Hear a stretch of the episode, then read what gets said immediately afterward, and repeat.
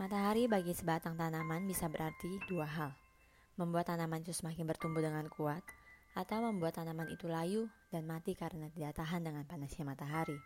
Dua hal ini tergantung dari akar tanaman tersebut.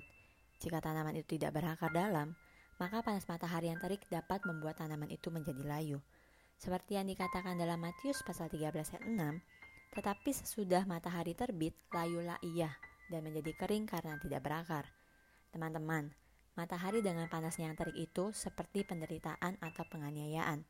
Persoalannya bukan pada matahari, tetapi ada pada akar.